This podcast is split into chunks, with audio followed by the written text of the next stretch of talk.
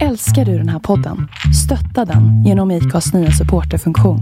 Det är helt upp till dig hur mycket du vill bidra med och det finns ingen bindningstid. Klicka på länken i poddbeskrivningen för att visa din uppskattning och stötta podden. Mom deserves the best, and there's no better place to shop for Mother's Day than Whole Foods Market. They're your destination for unbeatable savings, from premium gifts to show-stopping flowers and irresistible desserts. Start by saving 33% with Prime on all body care and candles. Then get a 15-stem bunch of tulips for just $9.99 each with Prime. Round out Mom's menu with festive rosé, irresistible berry chantilly cake, and more special treats. Come celebrate Mother's Day at Whole Foods Market. What is the source?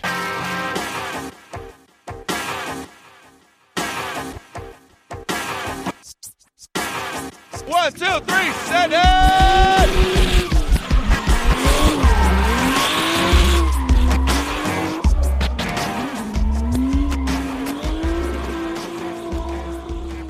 Hej och välkommen till ett nytt avsnitt av Driftpodden. Idag fortsätter vi serien Event vi minns och dagens eh, gäst är fotografen Göran Röjhagen.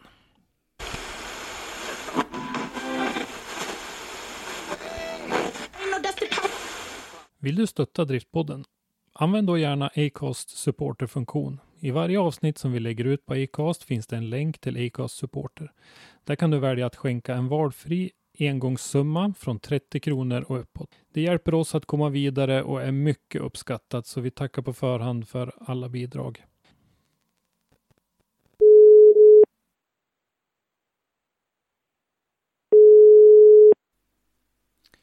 Välkommen tillbaka till podden Göran Röjhagen. Tackar så mycket. Ja, du har ju varit med i ett, eh, ett helt avsnitt där vi pratade om eh, din, eh, ditt intresse för motorsport och ditt fotograferande eh, där. Men idag så ska vi prata lite mer specifikt om något eller några event som du tycker har varit extra minnesvärda. Och jag tänkte börja med att höra lite grann. I och med att du har varit med i ett helt eget avsnitt så tänkte jag att de som är intresserade av en presentation av dig, de, de kan ju höra ganska mycket där. Vad, vad tror du om det? Ja, det funkar bra. Mm. Det är. Vad är det för event som du har tänkt att vi ska prata om idag? Man fick ju den här frågan för ett tag sedan, så jag har ju tänka igenom lite grann vad jag tänkte var liksom speciellt under den tiden. Det har ju det har varit en utveckling och det var ju det som var nyheter och spännande i början. Det har ju liksom blivit lite vardag med när man går på flera event av samma typ då för efter tiden går. Men det som jag tycker sticker ut absolut mest av allting det som jag har gjort som är driftingrelaterat, det var ju när vi för ganska länge sedan, 2010 på hösten där i november, åkte till Japan och var med på någonting som kallas för Matsuri. Det är alltså en japansk version av gatubil skulle man kunna säga, fast det är inte som gatubil i alla fall, men själva upplägget att man öppnar upp banan under tre dygn. Sen är det körning, men det är till och med körning dygnet runt där, så att det är eh, det, det, alla betalar entré, kör in sin bil och sen så får man köra så mycket man vill på de banorna som man vill. Det är ju för mig att det var fyra, eller, fyra eller fem av banorna som är öppna för det här Matsurit. Mm. Eh, olika. De har ju, jag tror att det är sex banor totalt eller vad då, med, med sådana sladdgården typ. Som hade. Nu har de haft lite problem där med jordskred och sånt. Eh, så att eh, just nu vet jag inte exakt hur det ser ut på Öbisu då. Men, eh, men på den tiden så, när vi var där för knappt tio, eller dryga tio år sedan vid det här laget, då var det, jag tror att det var fem banor som var öppna som man körde den här med Matsarit på. Mm. Det finns säkert någon som kan, kan kolla upp det exakt. Ja.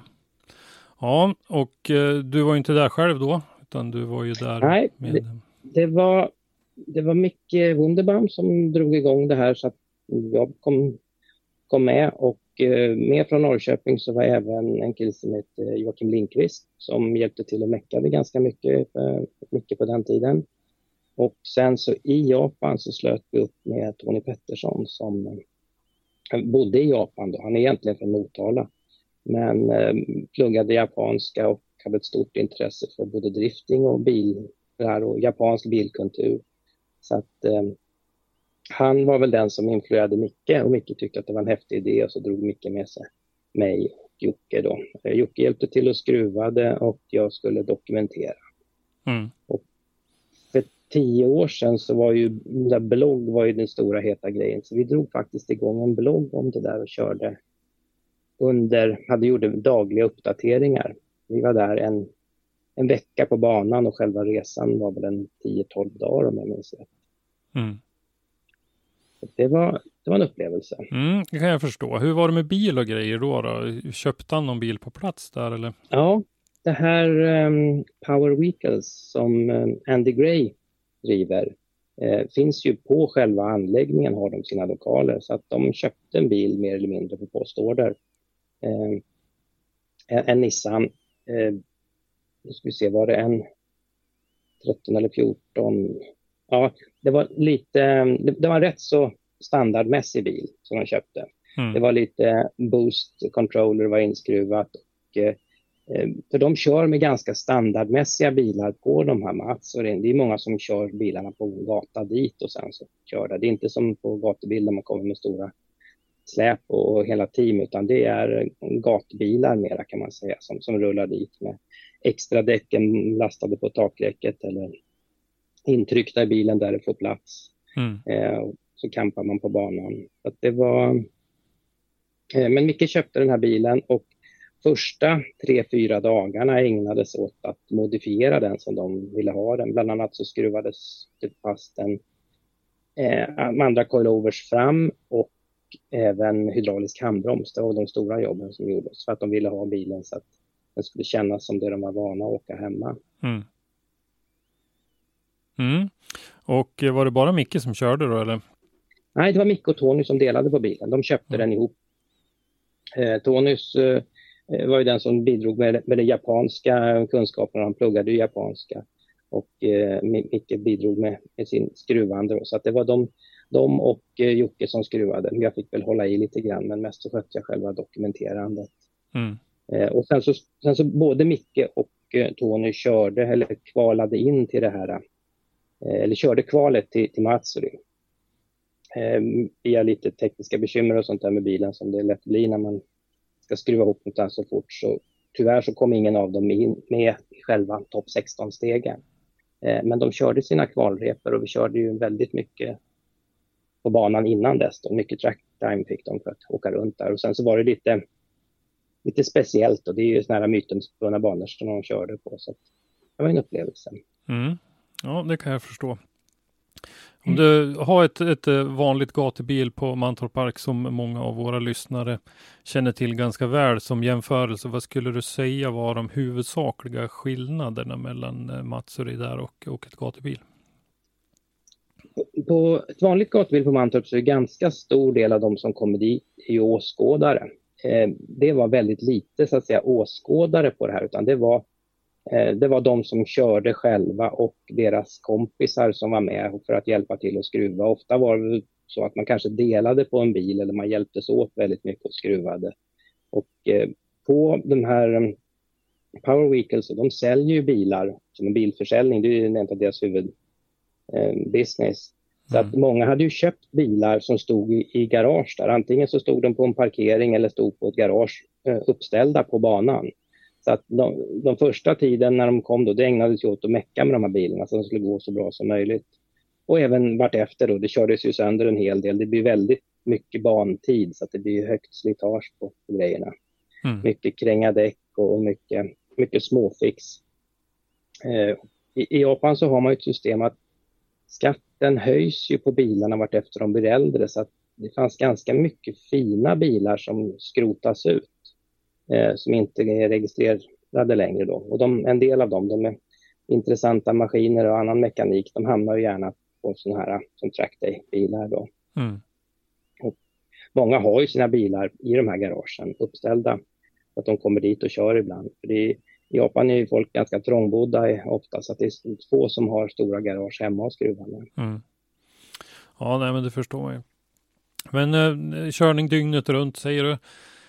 Hur, eh, vad är egentligen anledningen till det? Var, var, intresset så stort så att man, man såg det som en, ett, att man var tvungen att göra så för att alla skulle få tillräckligt med körtid eller finns det någon annan eh, anledning till det? Jag vet faktiskt inte den egentliga anledning till att man har, utan man, det, man kommer in, man checkar in på banan, köper sitt biljett, antingen kan man köpa en dagpass då, eller ett flerdagarspass och så får man checka in sin bil och sen så eh, mer eller mindre bodde de ju på banan. En, en del, det finns lite hotell runt omkring som man kan bo i. Vi bodde nere i en närmaste så att säga, samhälle som låg ett par mil, en och en halv mil nedanför är det väl. Mm. Så att vi åkte fram och tillbaka, vi bodde inte på banan. Eh, men, eh, men en del bodde på banan, det fanns några enklare ställen man kunde övernatta på också. En del hade med sig tält och bodde på banan, en del sov väl i bilarna. Och, eh, så att, ja, men det är... Ja, själva anledningen till att det är dygnet runt, det, jag visste inte ens om att det var körning dygnet runt när vi kom dit första gången. Eh, men det är det blir lite speciellt. Det blir häftiga effekter när de kör i mörkret. Eh, mm. Tyvärr så var det lite svårt att fånga det då, för det är inte så mycket belysning på banan utan det är mest gnistrande däck och, och lysande bromsljus man ser då. Mm. Så det var... Mm. Ja. men det låter ju som en, en klart spännande grej det där och speciellt allting med, med den japanska kulturen och att Eh, driftingen ju är sprungen där ur liksom måste ju ändå kännas ganska häftigt att vara på ett sånt ställe som Ebisu och se eh, gräsrotsdrifting på, på en sån bana. Ja, det här är väl så att säga så nära rötterna man kan komma. Eh, och det, går, de har ju, det som är lite unikt med deras bana att själva Ebisu ligger ju på en bergssida så att det är mycket nivåskillnader i de olika banorna som de kör. Både små gupp och att det är mycket uppför och nedförsbackar. Så det är mycket, mycket sån körning, mer sån här traditionella Toga-körningen då som började med på bergsvägarna i Japan för länge sedan. Hårnålskurvorna som ställde man upp bilen så mycket man orkade. Mm. Eh, den delen av driftingen finns ju kvar där. Och sen så att det är en, en bilkulturgrej. Det är ju inte, förutom den här Matsurit då som är i slutet på den här veckan som vi var där, eh, Eh, så är det ju inte så mycket organiserade team som är där, utan det är verkligen eh, det är mm, glada amatörer som kör för att det är skoj. Eh, och sen så det här som Micke och Tony körde, det kallas för Gajing GP. Och Gajing betyder väl ja, icke-japan kan man säga. Så att just den här tävlingen så var det ju då icke-japaner som körde eh, i, i själva tävlingen då. Så att det var ju ett gäng holländare där, det var amerikaner och det var nyzeeländare. Det var alla möjliga olika nationaliteter på de som körde. Mm. Utom just japaner då, för de kör i sin, sin egen serie när det blir tävling. Men själva Matsurit, det var ju mest lokala japaner som var där och körde. Eh, på själva bilträffen då. Mm. Hur, hur, hur, stor andel skulle du säga av en, av en sån där träff utgörs av tävlingsmomentet? Och är det bara en, en marginell grej eller är det någonting som man känner att man fokuserar mycket på? Ja, för våran del så var det ju eh, tävlingsmomentet var ju intressant. Det var ju själva det som bestämde tidpunkten för att vi åkte dit och, och att de ville köra det här. De ville prova att tävla i, i Japan. Medan då eh, den japanska lokalbefolkningen, de som kommer dit, eh, jag, om jag kommer ihåg rätt så har de tre sådana här veckor per år där de öppnar upp. Så att det är mer som ett gatubil för deras del. De kommer dit och kör och var inte så intresserade av den här tävlingen då, för att det var inte var inte det som var huvuddelen, eh, eller huvudskälet att de kom dit och mm. besökte EBSU just den veckan, utan det var ju det här Mats och det. Så det är, liksom, det är lite som gatubil har blivit med tiden, att man har stoppat in en, en riktig tävling i det som egentligen är om säger, allmänhetens åkning. Mm. Ja, just det. Eh, sen i Sverige har, har det utvecklats det så att vi har, nu kör ju alla de, de så att säga, etablerade förarna kör ju hela gatubil, för det är ju det är bantid för deras del. Mm. Eh, man åker dit och man, man, man trä, tränar inför tävlingen och justerar bilar och, och även kör för att det skoj såklart. Mm. Men i, i Japan så var det lite mera skilt då. Att, mm, Gajin GP var för utlänningarna som kom dit och kör. Eh, och det finns ju ganska mycket, i den japanska bilkulturen så finns det ganska mycket europeer, amerikaner och australiensare, nyzeeländare som bor i Japan eh, av olika skäl. Det kan man titta på, det finns en hel del eh, motorjournalister och sånt som håller till där borta. Och några av dem var ju där och bevakade det här också. Mm. Speed Hunters hade väl någon utsänd tror jag. eh, det var väl, mm, heter han, Dino Dalle Carbonara tror jag, jag tror han fotade för Speedhunters på den tiden, han var där bland annat. Mhm. Så att det här är ju, det blir ju lite mytomspunnet Mm. sådana här tävlingstillfällen. Och sen så är ju mm, Japan är ju ett extremt fascinerande land att resa i rent allmänt. Det är ju inte som i Europa, eh, för han förenklar det starkt. Men det är ju en, helt annan kultur som är spännande att uppleva bara den. Eh, helt annan mat om man inte är van vid det. Det är absolut inte bara sushi, det är allt möjligt. Eh, nu har jag varit i Japan ett antal gånger innan så att, eh, jag var ganska så van vid det här och jag gillar verkligen Japan som, som land att resa till. Det är eh, faktiskt ganska enkelt att ta sig runt med eh, kollektiva transportmedel. Eh, både tåg och buss. Eh, men speciellt deras tågsystem är ju världsberömt. Det går ju eh, verkligen som en schweizisk klocka. Det går exakt. Och det går tåg överallt kan man säga. Så man kan ta sig nästan var som helst med kollektiva transportmedel. Mm. Så det är bra. Och själva, själva resan dit, vi tog oss ju till, till vi flög ju till Tokyo, så tog vi oss, åkte buss till Kyoto, har jag för mig, där Tony bodde då. Och därifrån sen åkte vi nattbuss upp, för det är ju en, en hel natt tar det ju med buss upp till eh, Ebisu. Vi åkte till eh, var det Nihanmatsu vi bodde i. Eh, det här, så ja, något år efteråt så blev den här regionen extremt känd för att eh, bara, vi åkte förbi och bara en liten bit därifrån så ligger ju Fukushima. Och Fukushima var ju kärnkraftverket som sen hade det här haveriet när det var en tsunami som Mm. Ställde till problem för deras kylning. Mm. Så att vi har sett de här um, kyltornen och de här reaktorerna. Så vi åkt tåg, eller om det var buss förbi dem. Eh, så att det, det är ju, det, det ligger i den regionen, så det ligger alltså en, en bra bit norr om själva Tokyo. Så att, och just där vi var i eh, Nianmatsu då, det var ju inte så väldigt mycket icke-japaner där, så att vi var väl eh, på just det här lilla hotellet där vi bodde, där var det några andra gäng som var där för, för Matsurt också som inte var japaner. Annars så var det ju ganska så japansk, eh, ja, mycket Japan, eh, lokalbefolkning och ganska få eh, icke-japaner då. Mm. Så det, då får man se en del av Japan som man kanske inte ser. Man, Tokyo är väldigt uppblandat. Eh, där är det ju otroligt mycket icke-japaner som är där av olika skäl. Mycket business. Och, så. Mm. Mm. Ja, det blir lite mer äkta vara när man kommer ut en bit ifrån eh, de, de här stora metropolerna. Ja, de är inte så vana vid, eh, vid utlänningar där. De är väldigt nyfikna, väldigt artiga. Eh, det, det kan vara lite svårt att göra sig förstådd ibland, men det löser sig alltid på något sätt. Eh, lite pekande och eh, gestikulerande. Äta på restaurang där när man inte förstår vad det står ett dugg på menyn, det är ju ganska spännande. Mhm. Ofta så har man ju löst det i Japan att man har, man har som modeller av maten i, i plast som står på display i ett glasskåp så man kan peka där vad man vill ha.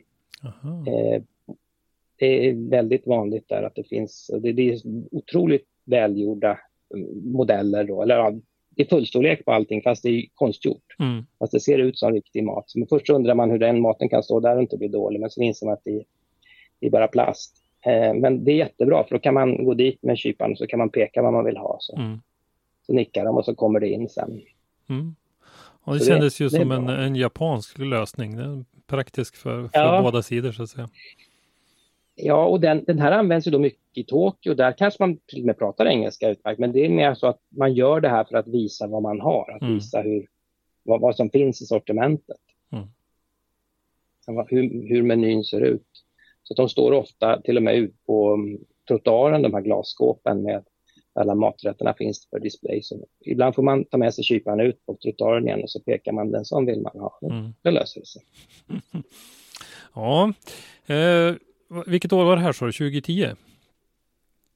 Eh, 2011. 11? Mm. Nej, 20, 20, 20, 2010, men i november. Så var det. Ja. 2010, november. Eh, Så det är dryga, dryga tio år sedan vid det här laget. känner du till om, om det är andra svenskar som har varit i Japan och kört? Inte som har kört. Vi träffade på en annan svensk kille, en motorbyggare som jag nu har glömt bort vad han heter. Men han var rätt så men han var där för, för sitt normala jobb som inte hade med drifting eller sånt där att göra. Men han hade åkt dit som, som turist och som, eh, också fotointresserad. Så att, eh, han dök upp på några av kvällarna där så vi snackade med honom och mm. diskuterade. Annars var det ju väldigt lite svensk. Jag vet inte någon annan svensk som har varit där och kört faktiskt. Men det betyder inte att det inte har varit utan det är bara Nej. så att det är ganska så... Det, det, är, det står ju ingenting om det här i det som vi normalt uh, har i media. Det är om man följer Andy Gray då, som uh, har kört bland annat Formel D i USA. Uh, om man följer hans bloggar eller något sånt där så att man kan där snappa upp om det är andra svenskar. Det, det, är ganska många europeer. Andy Gray är väl skotte tror jag, från grunden. Mm. Så att han, en del engelsmän är där och holländare var det där ett gäng när vi var där. Och någon spanjor också för mig. Jag är inte riktigt säker. Mm. Men, men det borde ju vara, det är inte, det är inte jättesvårt att åka dit och åka. Det problemet är om man ska få, eh, få tag i en bil. Då får man antingen göra som, som Mick och Tony gjorde, man får köpa en på postorder och så får man fixa till den eller hoppas att det funkar. Ska man bara åka dit och köra för att det är skoj, då, kan man ju köpa vilken bil som helst som ser rätt ut. Jag eh, har inte för mig att det var jättedyrt heller faktiskt. Jag kommer faktiskt inte ihåg siffrorna. Eh, och så köra den bilen där och så kan man antingen garagera den eller försöka sälja den när det är dags att åka hem. Då. Den här mm. bilen som Micke och Tony köpte, det var ju, tanken var ju att den skulle komma hem. Eh, mm. Men den, av olika skäl så, vi gjorde i ordning den, eller de gjorde i ordning den och så den var klar eh, för utskeppning panikmäckade där på slutet. Det var ett fjäderben som gick av så satte på ett annat nästan helt stum korridor så den såg lite konstigt ut. Men det var bara för att den skulle gå att köra ombord på eh, fraktskeppet. Mm. Så att den kördes, om jag förstår rätt, så kördes den ner till hamnen.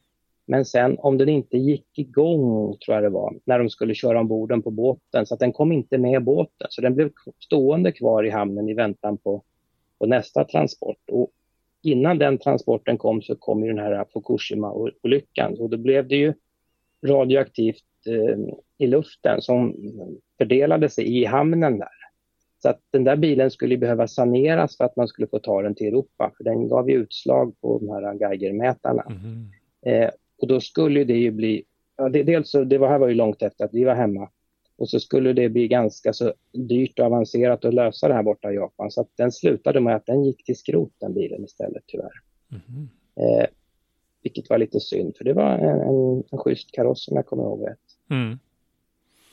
Ja, och lite inblandad i lite sådana där stora världshändelser också. Då, som, ja, och det, det var ju ingenting som vi kunde ens drömma om skulle ske när man planerade det här. Jag för mig att tanken var att den här skulle komma hem våren 2011. Eh, för det, det, går de här stora bilbåtarna till, eh, till Europa som hämtar upp eh, rorofartygen som hämtar Mom deserves the best and there's no better place to shop for Mother's Day than Whole Foods Market. They're your destination for unbeatable savings, from premium gifts to show-stopping flowers and irresistible desserts. Start by saving 33% with Prime on all body care and candles. Then get a 15-stem bunch of tulips for just $9.99 each with Prime. Round out Mom's menu with festive rosé, irresistible berry chantilly cake, and more special treats. Come celebrate Mother's Day at Whole Foods Market.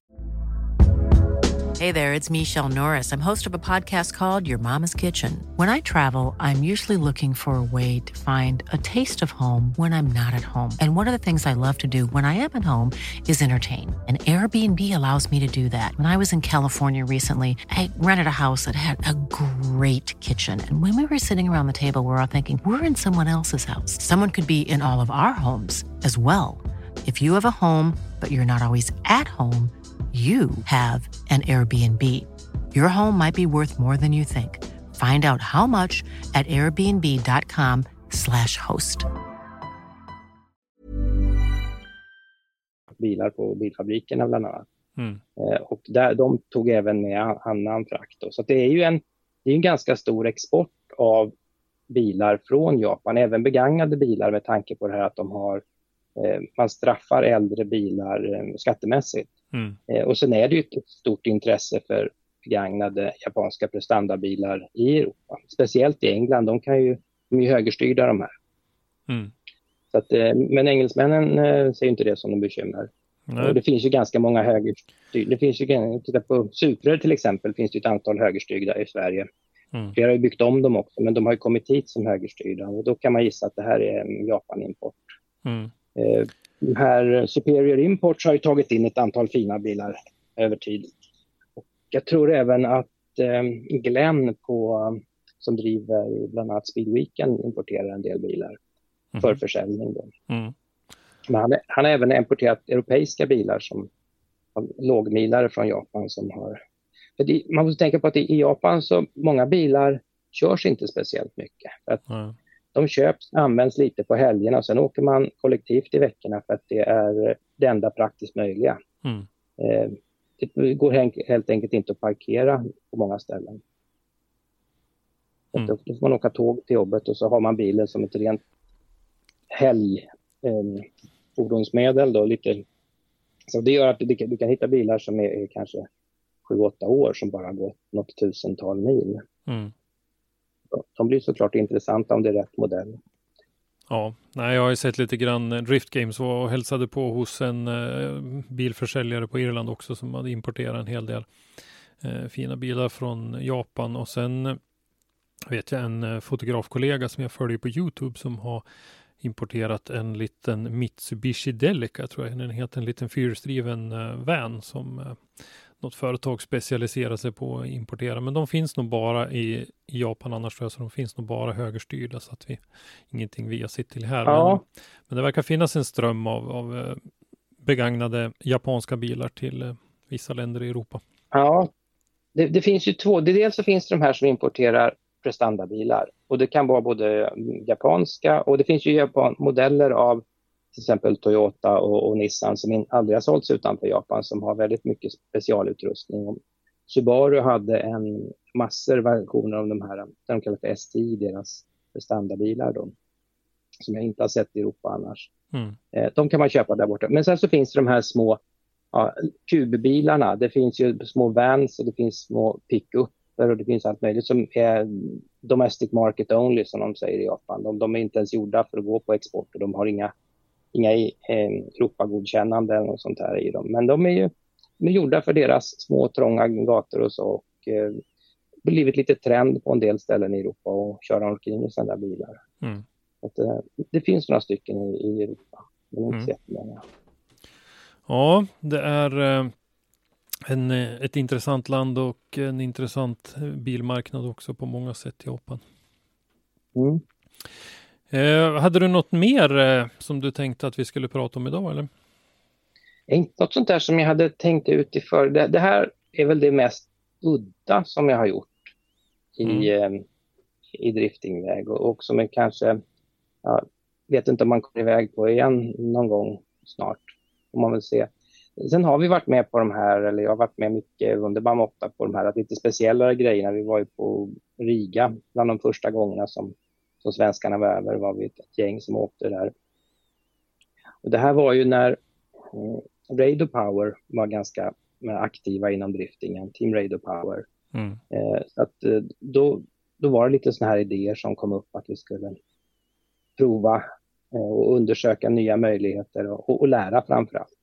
Eh, det här var ju, driftingen i Sverige är ju idag så pass stabil och stor så att idag är den du kan ju köra svenska serier och få en ganska mycket erfarenhet så att du kan, sen kan köra ut i Europa och liksom ha, en, färdig chaufför. Men på den här tiden var det väl lite mer att man ville ut och lära för att eh, nivån hemma i Sverige var inte så, så stor. Det, det fanns ett antal bra chaufförer givetvis, men det var inte så många som det finns nu för tiden. Mm. Eh, det, det, var inte, det var inte den bredden på körningen, det var de som satsade hårt.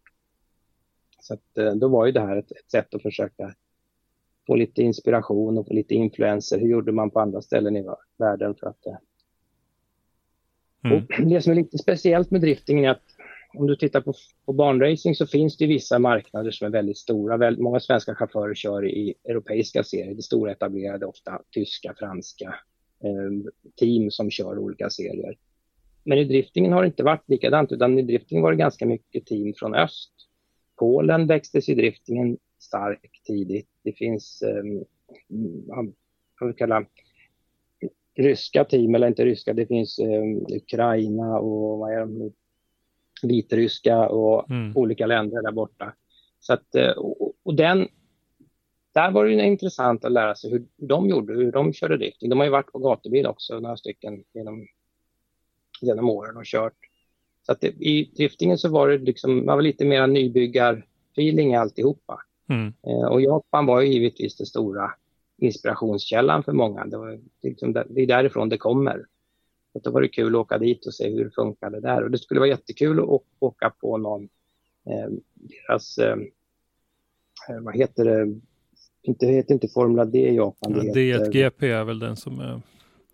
Ja, D1GP är väl är det den de kör tillsammans med någon samma organisation med Formula D. Sen så har de en egen serie som är väldigt... Ja, det är, D1GP är väl deras egna. Eh, Formula D ja. Japan heter väl den. Ja, så kanske är. Mm. För den, den, just de japanska serierna, de, de etablerade serierna, det skulle vara kul att se hur, hur nivån ligger där. Man kan gissa att den är väldigt hög. Men också de bilarna de kör är ju, så att säga, kanske det som har inspirerat svenska förare under många år. Mm. Ja, Riga säger du. Sen vet jag ju också att du har varit över och sett lite Formula Drift-tävlingar i USA några gånger. Mm.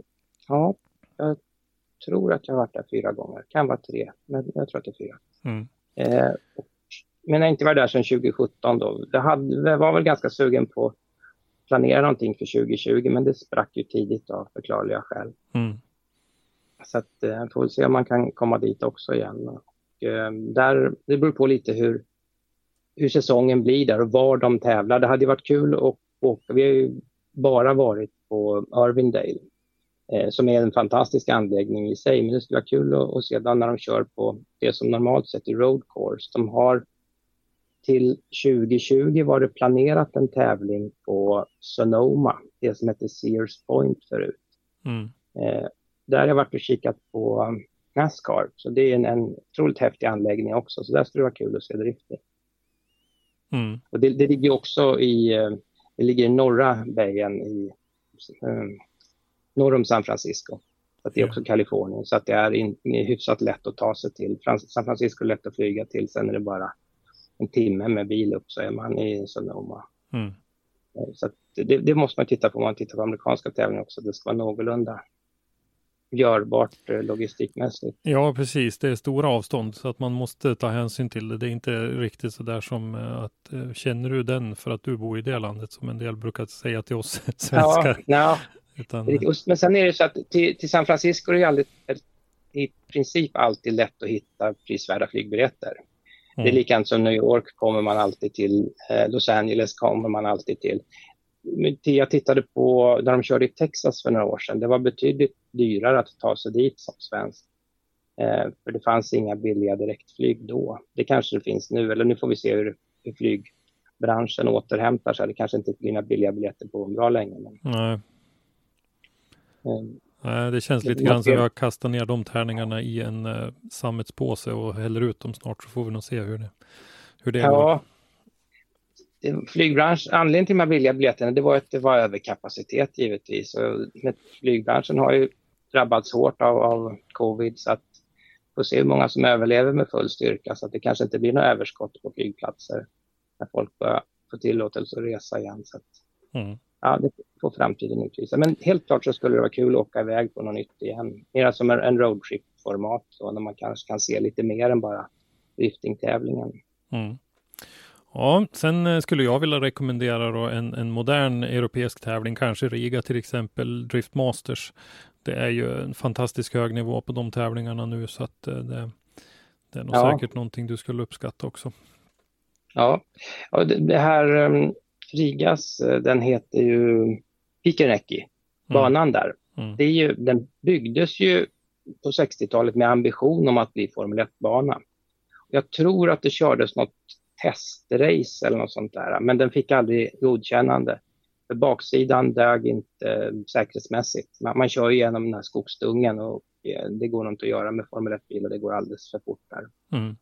I förhållande till de avkörningszonerna som finns då. Mm. Men den är, det är ju ingen, en... Det är ingen Tilkebana om man säger så? De Nej, den, den här är då, jag, till och med på 60-talet var den en diskutabelt och då kan man se de banor som det kördes på, kördes på på 60-talet. De var ju med dagens mått sett inte alls lämpliga att köra racing på. Mm. Så att, eh, men, eh, nej, men den anläggningen är häftig och det, det, de har ju också den här lite nybyggarandan att, att man, man försöker lösa problem istället för att skapa problem. Att man vill liksom att det ska bli en bra tävling och man, man vill, det märkte vi från, från arrangörshåll när vi var där första gången att de var, var väldigt liksom lyhörda för vad vi hade för idéer och vad, man kunde stå och så. Och sen, vissa kanske utnyttjar det här lite hårt att inte tänker på säkerheten för fem öre då mer eller mindre. De står lite på konstiga ställen efter banan och sånt. Men det, från media, det, mediafolk och sånt? Från, från, från mediahåll mm. just speciellt. Då. Men även, även vanlig publik tog sig in på vissa ställen där man kanske inte riktigt skulle stå.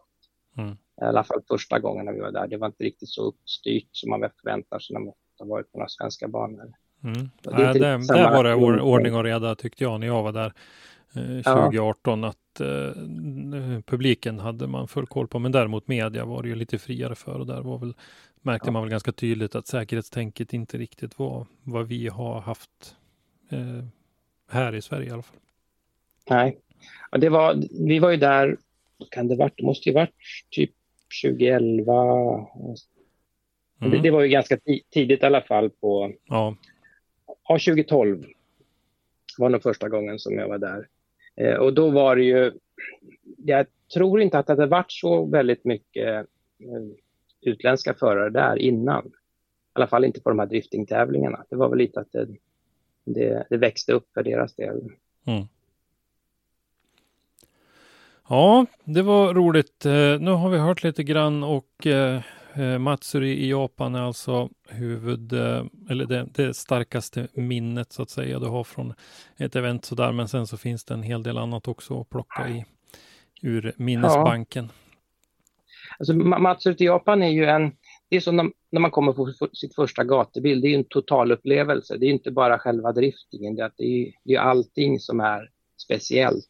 Mm. Det är som en liten bubbla som man kryper in i där med eh, där det, det är en annan världsbild. Mm. Eh, om man inte har varit med på något liknande tidigare. Och vi hade ju aldrig varit i, i, på japansk drifting innan och inte på det här eh, Matsuri-formatet heller då, som så att säga, allmänhetens åkning. Mm. Men det är väldigt kul att ha sett och man förstår ju en hel del hur den japanska bilkulturen har växt fram då med det, det är eldsjälar som, som överallt annan i världen men de får ha de här banorna att köra på. Mm. Och banorna inbjuder ju till drifting för att det är ju även deras tävlingsbanor, flera av de här, är ju väldigt mycket hårnålar. Det är någonting som man inte har så mycket på svenska banor på samma sätt. Men det här är ju för att de är byggda i en, på en bergsluttning. Det blir ju hårnålskurvor för att mm. komma upp och ner. Mm. Mm. Men då, Göran, så säger vi tack så mycket till dig för att du ville vara med i Event vi minns-serien och så är jag övertygad om att vi kommer att höras någonting framöver också här i podden. Det tror jag. Får vi se vad det kan bli. Mm, tack så mycket. Ja, tack så hemskt mycket. Kul att vara med. Tack för att du har lyssnat. Lyssna gärna på våra tidigare avsnitt och glöm inte att ge oss betyg i din podcastapp. Har du ett ämne eller en gäst som du vill att vi tar med i Driftpodden så skicka oss ett meddelande på Driftpoddens sociala medier eller skicka ett mejl till oss på driftpodden gmail.com. I dagens avsnitt har du hört Göran Röjhagen, programledare var Christer Hägglund. Ljudpåläggning och slutmix Christer Hägglund. Produktionsåret var 2021.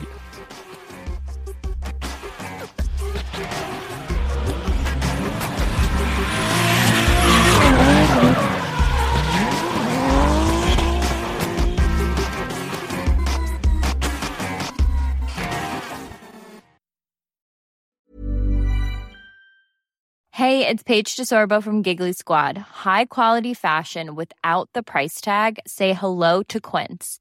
I'm snagging high-end essentials like cozy cashmere sweaters, sleek leather jackets, fine jewelry, and so much more. With Quince being 50 to 80% less than similar brands. And they partner with factories that prioritize safe, ethical, and responsible manufacturing. I love that. Luxury quality within reach. Go to quince.com slash style to get free shipping and 365 day returns on your next order. Quince.com slash style.